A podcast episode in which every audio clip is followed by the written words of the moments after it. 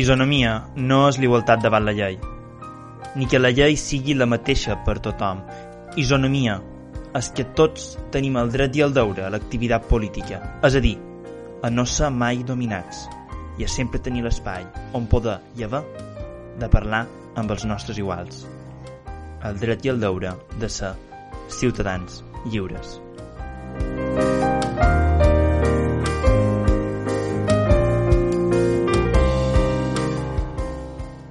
Política, actualitat, discussió, isonomia.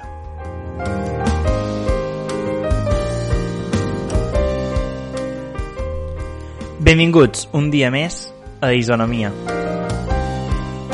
Isonomia és el programa de totes aquelles persones que creuen en la llibertat de discussió, que creuen en la llibertat de la reflexió com a base de la construcció de la comunitat. Són aquelles persones que creuen que els drets no neixen intrínsecs de l'espècie humana ni que acaben del cel, sinó que són guanyats a partir d'eixamplar qui som nosaltres, qui és aquesta comunitat i discutir quins són els drets que ens mereixem com a tal a una esfera pública. Això pretenem fer aquí. Discutir els temes d'actualitat a partir d'una visió clara, però alhora oberta sempre a debat i que ens permeti tenir eines com a comunitat per poder construir en comú el que volem ser. Avui més que mai parlarem d'això, perquè parlarem precisament de com construir aquesta comunitat, aquest nosaltres. I com aquesta comunitat de construir el nosaltres mai es completa. Sempre és inestable, sempre està en desequilibri. I ho farem a partir del debat electoral que se va poder veure entre Joe Biden i Donald Trump ara just fa dues setmanetes. Per tant, parlarem de Donald Trump, parlarem dels Proud Boys, parlarem de Joe Biden, parlarem també de l'antagonisme entre nosaltres i l'ells i mos mourem en diverses campanyes electorals americanes, l'actual i la passada de fa 4 anys, de les primàries i de les presidencials en si, i a través de diverses eh, opcions podrem veure com se poden articular diverses concepcions de les col·lisions entre nosaltres i ells, les significacions de determinats conceptes. Tot això que ara sembla com a molt extens i complicat, ho explicarem tot breument i s'explicarà d'una manera que se pugui entendre uh, i se pugui veure clarament, perquè ho analitzarem a partir de moments claus del debat i ho analitzarem a partir dels espots electorals dels protagonistes. Per tant, avui a Isonomia adversaris, agonismes, Donald Trump i Proud Boys.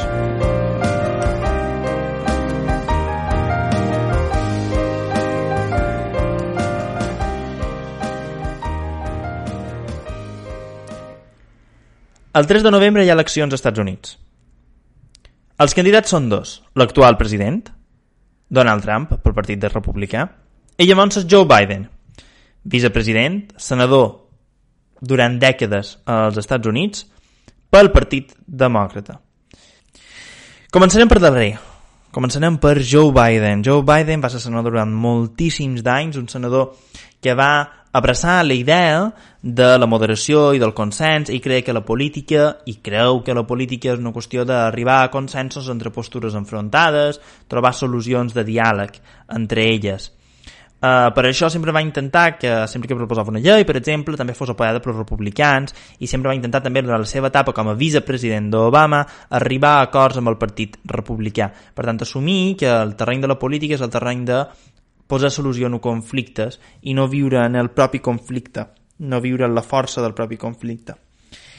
Aquesta concepció entronca perfectament de la concepció liberal pròpia de la política, de la política com a espai de discussió eh, per trobar un consens, no? i no com un espai de conflicte entre dues postures irresolubles. Um, aquesta concepció va fer que, per exemple, tingui molts de grisos al seu historial. Un dels grisos més coneguts va ser com va proposar la reforma penal eh, que va donar suport al president Reagan, eh, que ha obert la porta, per exemple, a la persecució criminal de moltes persones afroamericanes i llatinoamericanes als Estats Units, una política criminal clarament racista que va ser impulsada, en certa manera, per Joe Biden per aconseguir l'acord dels seus contrincants republicans. Um, però, en canvi, per altra banda, també això va fer que, per exemple, l'Obamacare se pogués aprovar, perquè va negociar precisament ell amb els republicans perquè aquest Obamacare pogués tirar endavant. Per tant, l'Obamacare és el programa de salut eh, pública en aquests moments que el que permet és ampliar la cobertura sanitària a moltes persones que no tenien aquest dret eh, i ho fan a través de la financiació de l'Estat. No és un sistema públic de salut, sinó que el fa l'Estat es financia les assegurances privades perquè les persones que no en tenien en puguin accedir. Però no és un sistema públic, és un sistema privat, però amb ajudes estatals. Uh, aquest programa va ser també en gran part gràcies a Biden i aquesta voluntat d'arribar a coses amb els republicans perquè uh, el Congrés estava en mans republicans, a dir, en mans de no el seu partit sinó l'altre, i aquesta idea del consens com per trobar millores en la societat en conjunt va fer que se pogués aprovar l'Obamacare, però també ha fet que, que hi hagués parts negres de la seva història com és la política criminal. Joe Biden també és acusat moltes vegades de falta de, de lideratge i de falta d'empatia i possiblement amb un candidat eh, republicà. Anava a dir més normal, però si és que existeix tal normalitat, però sí que més usual el que estem acostumats, eh, com pugui ser McCain o com va poder ser Mitt Romney, eh, se presenta dubtes que el carisma de Biden i les polítiques de Biden realment poguessin vèncer en aquestes concepcions eh, republicanes perquè realment està en dubte si, si realment Biden és el líder que vol tenir el president. Però clar, és que el rival pesa molt. I és que el rival és Donald Trump. Uh, que en aquest programa us atrevirem a dir que ha estat el pitjor president de la història dels Estats Units, però no basta dir això. Aquí en farem un poc més d'anàlisi de com ha arribat a aquesta situació, com hem arribat. És evident que Donald Trump és una persona que no té cap tipus d'experiència política, que arriba a l'administració, que acaba amb un impeachment per greus acusacions que encara a dia d'avui no estan clares, que l'impeachment no va tirar endavant. Uh, l'impeachment és eh, la manera que pots treure un president eh, que està elegit eh, per unes qüestions que inclús poden dir ser penals, a més s'ha sortit que també d'evasió fiscal, han sortit molts d'escàndols, un darrere l'altre, eh, d'aquest senyor, que, que, que pareix que no atura. Clar, aquí la pregunta és, doncs, um, per què va sortir elegit en primer terme? D'això és un poc el que volem analitzar avui i ho farem a partir de què és que està passant a l'actualitat. En aquests moments sembla que Biden ho té tot a favor per guanyar. En política i en eleccions mai se pot donar per sentenciar d'una cosa. Hillary Clinton va ser l'exemple que tothom la feia presidenta i va sortir Donald Trump elegit. En política mai se pot donar per, per donades les coses. Biden encara no té assegurada la presidència. La té menys segura inclús que Clinton. Però tampoc no la té segura. La tindrà segura dia 3 de novembre quan la gent voti les eleccions. Mentrestant, jo m'estic més no fer prediccions. Sí que és cert que té un vent a favor en determinats estats claus, però hi ha determinats estats que degut a que hi ha molt d'indecisos, com per exemple Carolina del Nord, o en determinats estats ja la diferència no està molt clara, com podrien ser en alguns casos, com per exemple algunes enquestes han dit que Michigan o, o alguns estats així que també són, o Florida, que són, sobretot Florida, que són estats també clau, fa que hi pugui haver dubtes de realment com pugui ser aquesta victòria de Biden, que sembla que és el que es pronostica. Per tant, aquí n'hi ha un punt central, que va ser fa dues setmanes.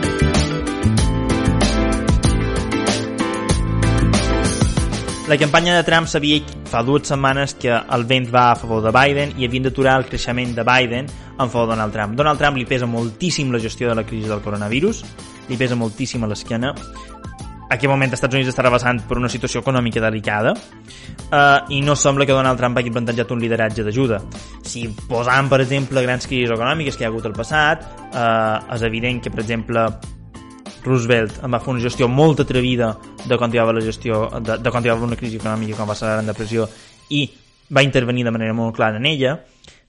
Obama en menor mesura i de manera molt més moderada també eh, va establir un lideratge clar i va establir una il·lusió de sortir de la crisi reforçats.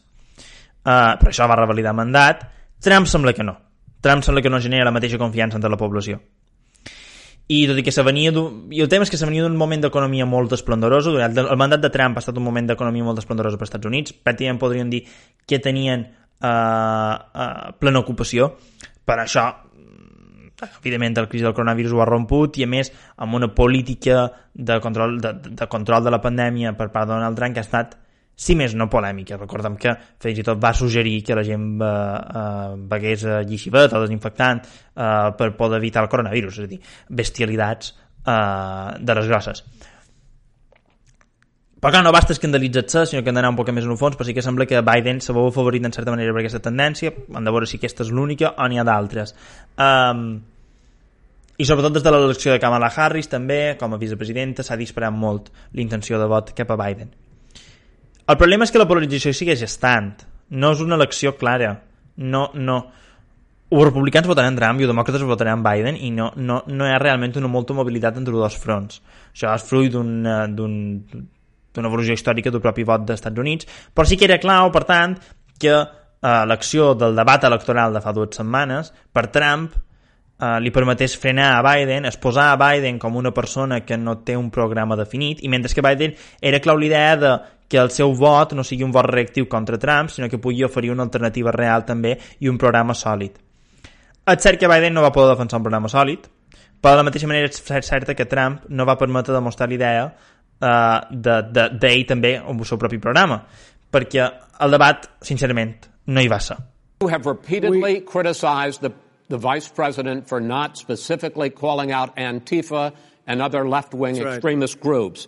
But are you willing tonight to condemn white supremacists and militia groups sure. and to say that they need to stand down and not add to the violence in a number of these cities, as we saw in Kenosha and as we've seen in Portland. Sure, Are you I'm prepared to, to do specifically that, do it? Well, I go would ahead, say sir. I would say almost everything I see is from the left wing, not from the right wing. So what are you what are you, look, what are you saying? I'm, I'm, willing to do anything. I want to see well, peace. Then do it, sir. Say it. Do it. Say it.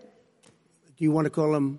What do you want to call them? Give me a name. Give me a white name. Supremacists and Who white would you like me to condemn? White Proud supremacists boys. and right Proud militia. boys.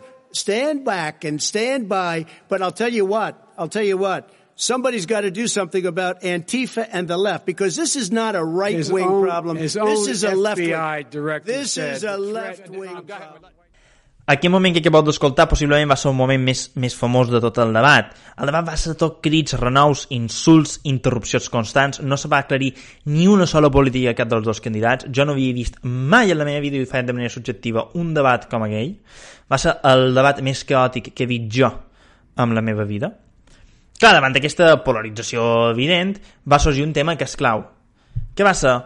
Els grups radicals. Trump acusa a Biden, de que no frena l'antifa, el grup Antifa, que eh, en realitat eh, no, és, no és una organització, sinó que és una ideologia, que és la ideologia antifeixista, que eh, va actuar amb ajuda dels Black Lives Matter. Uh, i el, Trump va polemitzar dient que radicals és el que molt dur Biden, Biden és incapaç de mantenir l'ordre públic. Aquest missatge no, no ha colat perquè és difícil que, que, que arribi a, a penalitzar a dins les files que que, que haurien de servir per frenar a Biden. Però en canvi Biden també va atacar i va dir i, i, i què passa, bueno, el moderador en aquest cas i Biden hi va afegir um, què passa amb l'extrema dreta, què fa Trump amb l'extrema dreta, bueno, i li van demanar per als Proud Boys, que són un grup d'extrema dreta uh, violenta um, que quan se li va demanar a Trump que faria amb ells, o que, que el condemnés, era molt fàcil la resposta. La resposta que ha estat, pues jo condemno l'extrema dreta. Però ell va dir, Proud Boys, stand down and stand by. És a dir, Proud Boys, esperau. Calmau-vos i esperau. La pregunta és esperar a què? Aquesta és possiblement la gran pregunta que molta gent se pot fer. Però jo crec que de fons la discussió no és qui són els Proud Boys, si els Proud Boys són perillosos, si els Proud Boys són una amenaça per la democràcia, si ho és més l'antifeixisme, si... No, no. La pregunta no és aquesta. La pregunta és què hi havia de fons? Quina era l'intencionalitat de treure això en el debat? Doncs molt senzill posar una frontera entre nosaltres i ells. Així, mentre la verborrea mediàtica s'apella per definir el Proud Boys com un grup o un altre, el que en veritat hi havia en joc en aquest debat era definir qui donava suport a uns o altres, és a dir, qui érem nosaltres i qui som ells. Trump intentava donar l'idea de que els demòcrates són un grup de radicals que durant el país a la ruïna i el desordre públic. Per això treu l'antifeixisme. Mentre que Biden, quan treu els Proud Boys, el que intenta fer és situar Trump a una esfera molt conservadora. Per tant, nosaltres som els demòcrates, ells són els violents dels Proud Boys que Trump lidera i que ordena. Aquesta idea, per tant, de situar un nosaltres i ells és el que orquestra la política.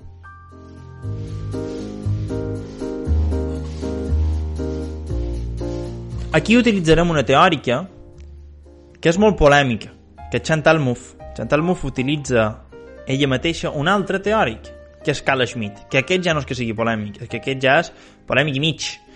Perquè Carl Schmitt era el teòric nazi, era un teòric nazi molt conegut també per les, per la, per les seves discussions en Kelsen sobre el constitucionalisme, però a part d'això, ell va fer una teoria que va fer una crítica al liberalisme, que és realment digna de llegir, tot i que evidentment se li ha d'agafar distància, perquè ho va fer des d'una ideologia feixista.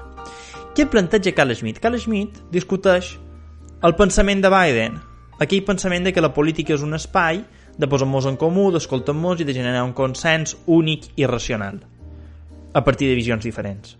La política no és això. Per Carl Schmitt, la política és un espai allà on es divideix una dinàmica entre amic i enemic. Vos llegiré un fragment precisament de Carl Schmitt. Carl Schmitt diu, i llegeix que, textualment, que eh,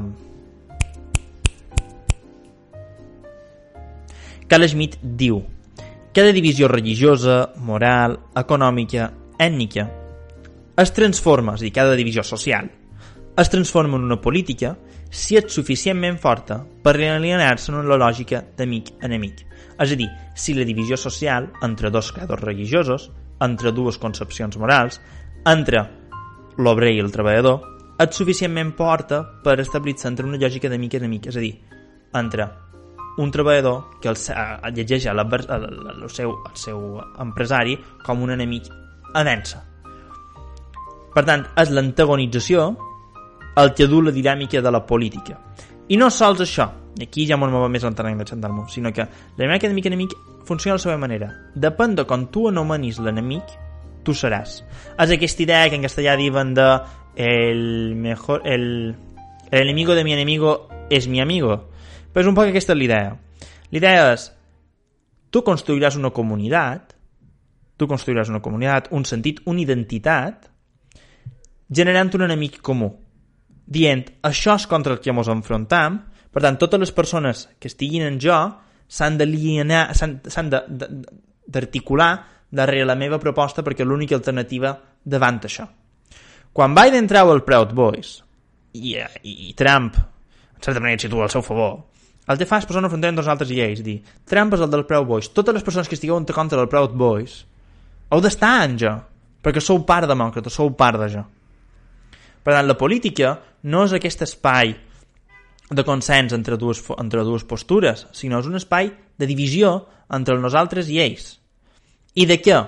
De la manera en com tu constitues qui són nosaltres i ells, podràs guanyar una proposta política a una altra. Per tant, la política és l'espai de crear coalicions per enfrontar-te en allò que va en contra de les persones que estan dins la teva col·lisió.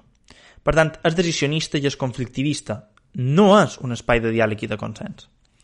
O no, únicament és un espai de diàleg i de consens, no vol dir que no hi hagi de diàleg, eh? perquè ara anirem en aquesta passa. Aquesta concepció de Carl Schmitt és evident que nega l'espai de democràcia. Per això que dèiem abans, que no, nega el diàleg. Perquè Carl Schmitt era nazi, no ho oblidem. Per tant, Chantal Mouffe el que fa és una relectura de Carl Schmitt i diu sí, sí, és dir, aquesta postura que és antagònica i efectivament això se dona en política. És la base de la Constitució dels fronts polítics, perquè la política és dur un conflicte social a una esfera allà on aquest conflicte se puguin alinear amb altres i se pugui enfrontar. Per tant, Chantal Mouffe fa una passa enrere i diu no de fer una cosa. Si el que defineix que som nosaltres és l'enemic i cercam acabar amb l'enemic, en el moment que acabem amb l'enemic acabarem en qui som nosaltres. I l'única manera de mantenir qui som nosaltres és mitjançant la violència. Perquè nosaltres és molt divers. Perquè les persones tenen molt de conflictes, no només en tenen un i, i, i homogeni. En tenen moltíssims. A moment que acabem amb l'enemic, acabem també nosaltres perquè haurem d'acabar amb la diversitat interna. I el fet d'acabar l'enemic, com ja hem dit, negarà el diàleg i negarà la pròpia democràcia, per tant, l'enfrontament dialèctic que també té la pròpia democràcia. Per tant, això no pot acabar mai amb una democràcia, sempre ha d'acabar amb un règim violent. I aquí Chantal Mouffe té molta raó. Per tant, aquí fa una lectura de Schmidt contra Schmidt, que diu ella. I diu, per tant, la solució és fer una passa enrere. És concebre que, efectivament, jo tinc un adversari i aquest adversari és el que m'adona que jo tingui una col·lisió de persones al meu darrere i que me permet discutir, que, discutir el poder d'aquestes persones en aquella elit, en aquell ells. Puc donar veu a persones que abans no en tenien perquè li puc definir quin enemic tenen per poder-los unir i poder fer una política. Ara bé, això necessita, 1. entendre que hi ha una diversitat interna, i dos, que no puc acabar mai amb l'adversari, perquè el necessit, perquè l'adversari és l'únic que me permet tenir l'unitat, és l'únic que me permet tenir una construcció, una comunitat, una identitat pròpia. En el moment en què jo acabi amb aquest adversari, no tindrà sentit aquesta unitat. Per tant, això és central per entendre les pròpies dinàmiques que, per tant, no és tant la política.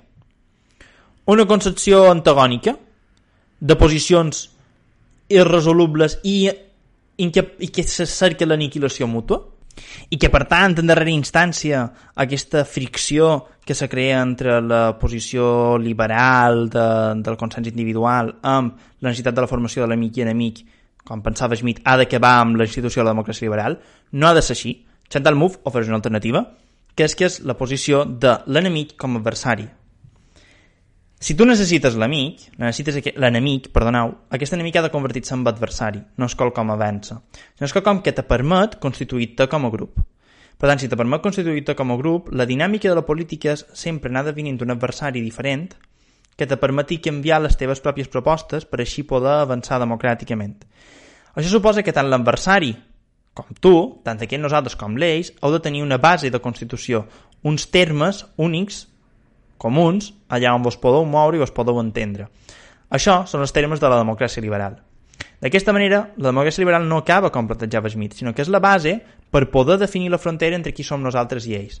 Per tant, t'ofereix uns conceptes t'ofereix uns conceptes com a part de la comunitat prèvia a la discussió entre, entre, el nou, entre la nova frontera entre nosaltres i ells, com puguin ser la llibertat, la democràcia, determinats conceptes i determinats continguts de drets i de concepcions i de processos institucionals que te permeten enfrontar les dues maneres de veure el món, aquest amic i enemic, sense necessitat d'haver que va amb un o l'altre, perquè vos necessitau mútuament. Si me defineix per l'enemic, necessiten aquest enemic, per això necessito que sigui adversari.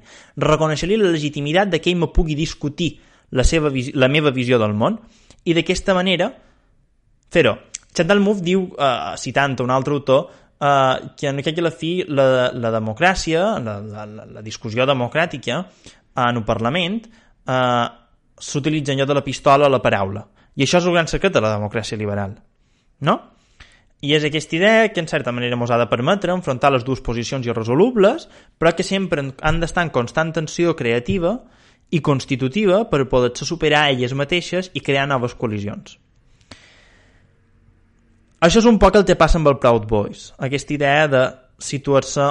Però aquesta idea, clar, dels Proud Boys situa la dimensió més a dins de la part antagònica, perquè el que fa és que situen aquestes persones de fora, és a dir, situa aquelles persones que estan a fora del contacte radic... de, de, de, dels grups radicals de fora del consens de la democràcia liberal. Per tant, els expulsa de la discussió pròpia democràtica. I assumeix que només hi pot haver un consens, en lloc de discutir propis termes, allà on cada un dels fronts se juguen. Per tota manera, és interessant també amb això explicar un altre concepte a la construcció entre de col·lisions polítiques, entre aquests nosaltres i ells. I és el termes de les cadenes d'equivalències. I per fer això, haurem de veure què va passar amb la resignificació del terme de Proud Boys. Please don't go and take this personal I know that you mean well Put your feet up Han dit que la construcció d'una comunitat se basa en un antagonisme que és constitutiu, és a dir, qui són ells me constitueix qui som nosaltres, però ara també hem dit que necessitarem sempre aquest ells per muntar mantenir una certa unitat interna i poder fer palès la nostra pròpia diversitat. La diversitat interna farà que hi hagi una tensió, hi ha una tensió productiva, que diu García Linera, que és aquesta tensió entre l'antagonisme, qui mos enfrontam i qui som nosaltres, se partint de la base de que hem d'acceptar l'adversari com a part de la discussió política i no com un extern en el propi sistema, sinó que l'han d'incloure en un sistema i d'aquesta manera discutir-li des del sistema, des dels propis termes de la democràcia, a un enfrontament constant de les dues maneres de veure el món. Això és així la democràcia se pot garantir. Perquè si tancam en el consens, aquestes persones queden de fora del sistema i creixen de fora del sistema contra el sistema, com és el cas de molts de grups d'extrema dreta. Val més integrar-los com a part del sistema i discutir-los tot allò que ells plantegen des d'una concepció democràtica. Per fer això s'han d'utilitzar aquests conceptes de la pròpia democràcia liberal, com democràcia, com llibertat, com igualtat. Qui està en contra de la democràcia? Qui està en contra de la igualtat? Qui està en contra de la llibertat? I donar-los un contingut que siguin pròxims als teus postulats. Per tant, no se tracta sols de definir quin és el teu adversari que vença, sinó també donar un contingut a com vencer-lo. I aquest contingut de convencer-lo s'ha de fer amb aquests conceptes que lluitau entre vosaltres per demostrar que un i altre sou. Això suposa una resignificació d'un termes de la política. Què vol dir això? Hi ha determinades coses que estan a l'esfera política. Hi ha determinats conceptes, determinats significants. No?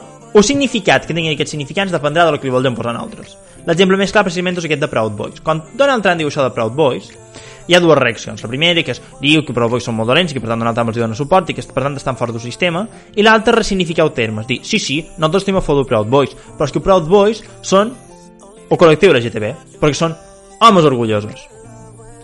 Aquest terme va fer que de cop aquell significant que era per un grup d'extrema dreta, de cop significa un punt de llibertat LGTB, que és precisament una cosa a la que Trump ha estat matxacant moltíssim. El cas més polèmic va ser quan l'exèrcit canadenc eh, va fer va fer-se seu el lema dels Proud Boys per demostrar tots aquells, aquells homes homosexuals que estaven dins l'exèrcit de Canadà lluitant al servei dels Estats Units, perquè tenen una aliança que lluitaven a favor dels Estats Units. I acabava dient, perquè ells, és a dir, els Proud Boys són nosaltres. Fins a dir que el que fan és invertir aquesta categoria d'ells, els Proud Boys, són nosaltres, però qui són nosaltres no són els Proud Boys de l'extrema dreta, sinó que ells són nosaltres, són les persones LGTB que lluiten per la llibertat, perquè està l'exèrcit a lluitar per els valors comuns de la democràcia, que són els valors de la llibertat i l'igualtat allà on hi ha el col·lectiu LGTB.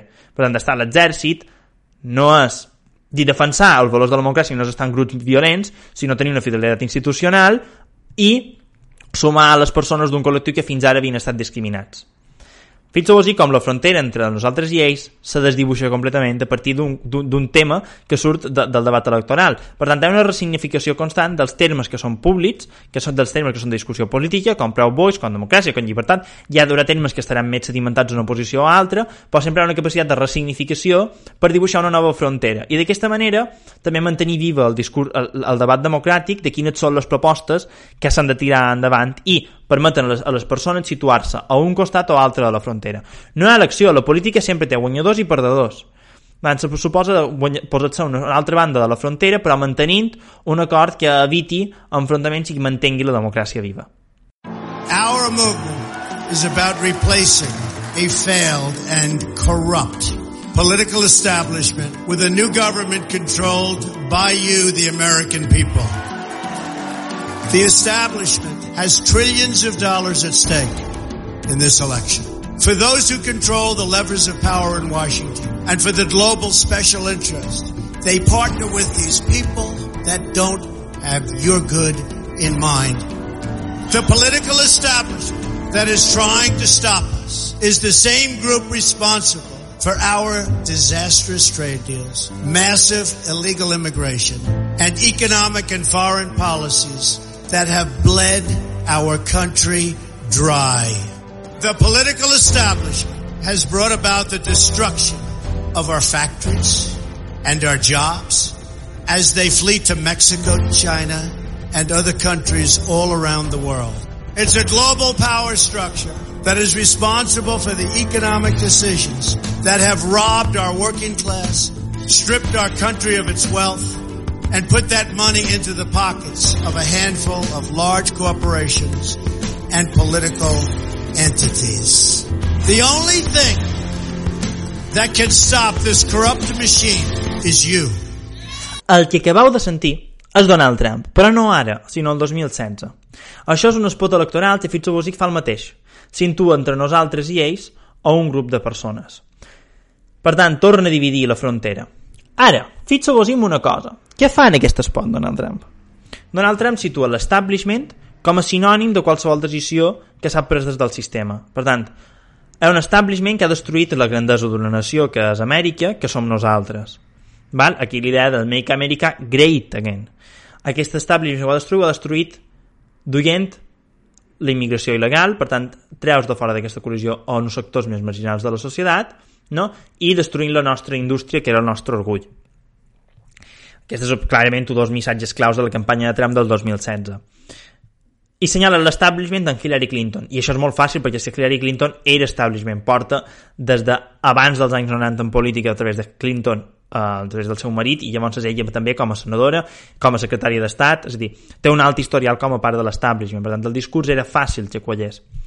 Um, quan posa aquesta frontera, però fixeu-vos que el que fa és posar una frontera entre el sistema democràtic i els valors del sistema democràtic amb, a través de la immigració il·legal per enfrontar el poble en aquests sistemes de valors.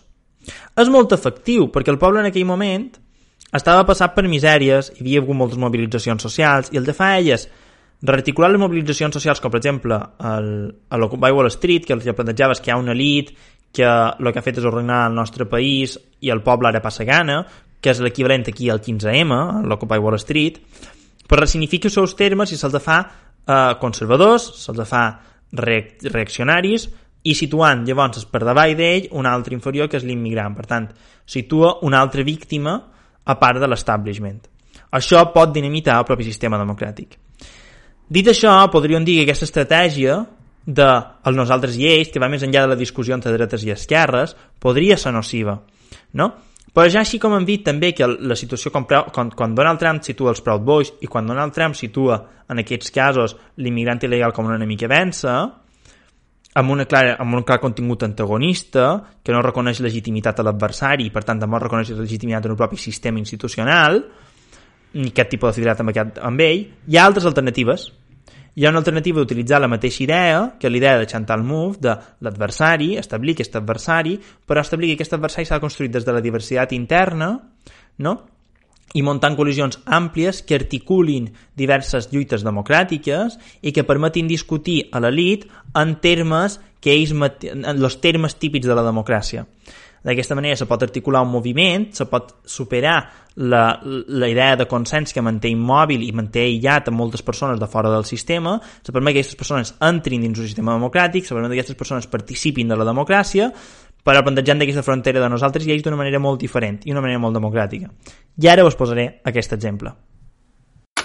Our job is not to divide, our job is to bring people together if we do not allow them to divide us up by race, by sexual orientation, by gender, by not allowing them to divide us up by whether or not we were born in America or whether we're immigrants.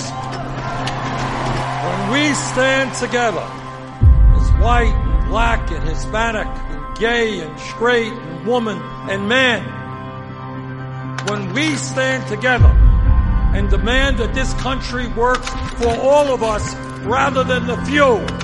We will transform America, and that is what this campaign is about. It's bringing people together. I'm Bernie Sanders, and I approve this message. Fixeu-vos que la dinàmica és la mateixa. Però fixeu-vos que és d'un poquet diferent. Fixeu-vos que és la mateixa perquè planteja que és fer una democràcia for the many, not the few. Nosaltres i ells. Ells són el few, ells són l'establishment. Però fixeu-vos que dona una idea de diversitat interna, d'entendre que hi ha molt de conflictes i que aquests conflictes s'han d'articular amb unitat respecte a un enemic. I que aquests conflictes són la part constitutiva són part constitutiva d'un nostre, d'un nostre d'això, per tant, te genera una atenció creativa que fa que les nostres propostes els haguin, en certa manera, d'assumir a totes. Però ara assumeixen molt clarament que hi ha un enemic que a conjunt avança. I fixeu-vos com, per exemple, inclou l'immigrant també a dins que la societat i constitueix una comunitat. Per tant, l'idea central de la política és constituir una comunitat comuna. Per això, quan parlant dels Proud Boys, constituïm una comunitat que és l'LGTB, enfront de l'extrema dreta. Quan parlant de Bernie Sanders, que és l'anunci que acabeu de sentir, Together, el que fa és constituir una comunitat des de la diversitat enfront d'aquells que la neguen. Sempre hi ha aquesta dinàmica de una comunitat enfront d'una altra, per això sempre assolir la democràcia, assolir aquest together, aquesta unitat, aquest universal, mai és complet, perquè sempre necessitarà l'adversari que te la permeti constituir. Per tant, la democràcia, i això per jo és clau, és frustrant, però per jo és clau per entendre.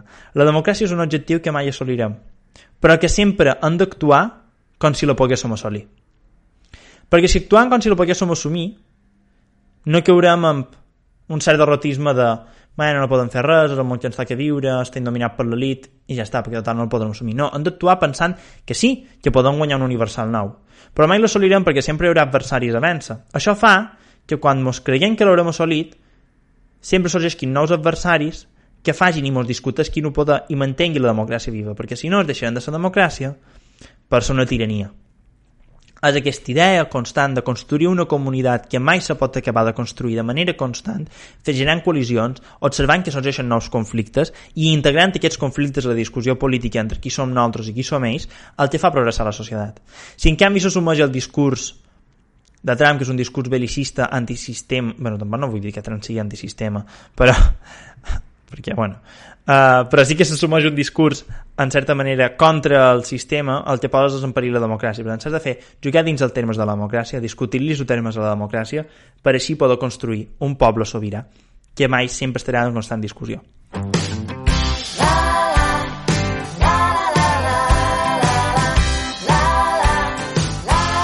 I fins aquí l'isonomia d'avui. Espero que us hagi agradat. Com sempre que amb una petita recomanació, i mireu, de que hem xerrat d'això? Vos recomano un llibre que es diu For the People de Jorge Tamames. És un, és un autor que és espanyol però ha estat fent feina a la campanya de Bernie Sanders i també ha estat a Podemos en un seu moment determinat. Uh, i a més també és un acadèmic molt reconegut bueno, un acadèmic uh, uh, molt jove però que pareix que, que, que és un acadèmic que, que crec que ens sentirem a parlar en certa manera i que tot i que té uh, els seus claroscurs, com tot acadèmic, com tot teòric, crec que val la pena llegir-ho perquè és un llibre de divulgació, ens explica molt clar què és el populisme d'esquerra, explica molt clar aquesta diferència entre els nosaltres i ells, i explica molt clar la diferència entre les determinades polítiques de populistes, com per exemple entre Podemos, Bernie Sanders, i aquesta idea de Chantal Mouffe, de manera molt dinàmica, molt divulgativa, molt entenedora, i tots aquells que estigueu interessant de la política americana i la relació de la política americana amb Europa, crec que val la pena llegir-lo. Fins aquí Zona Mia. a desert island or the bottom of the ocean. Miracles like you don't happen every day. In fact, they just happen once in a lifetime.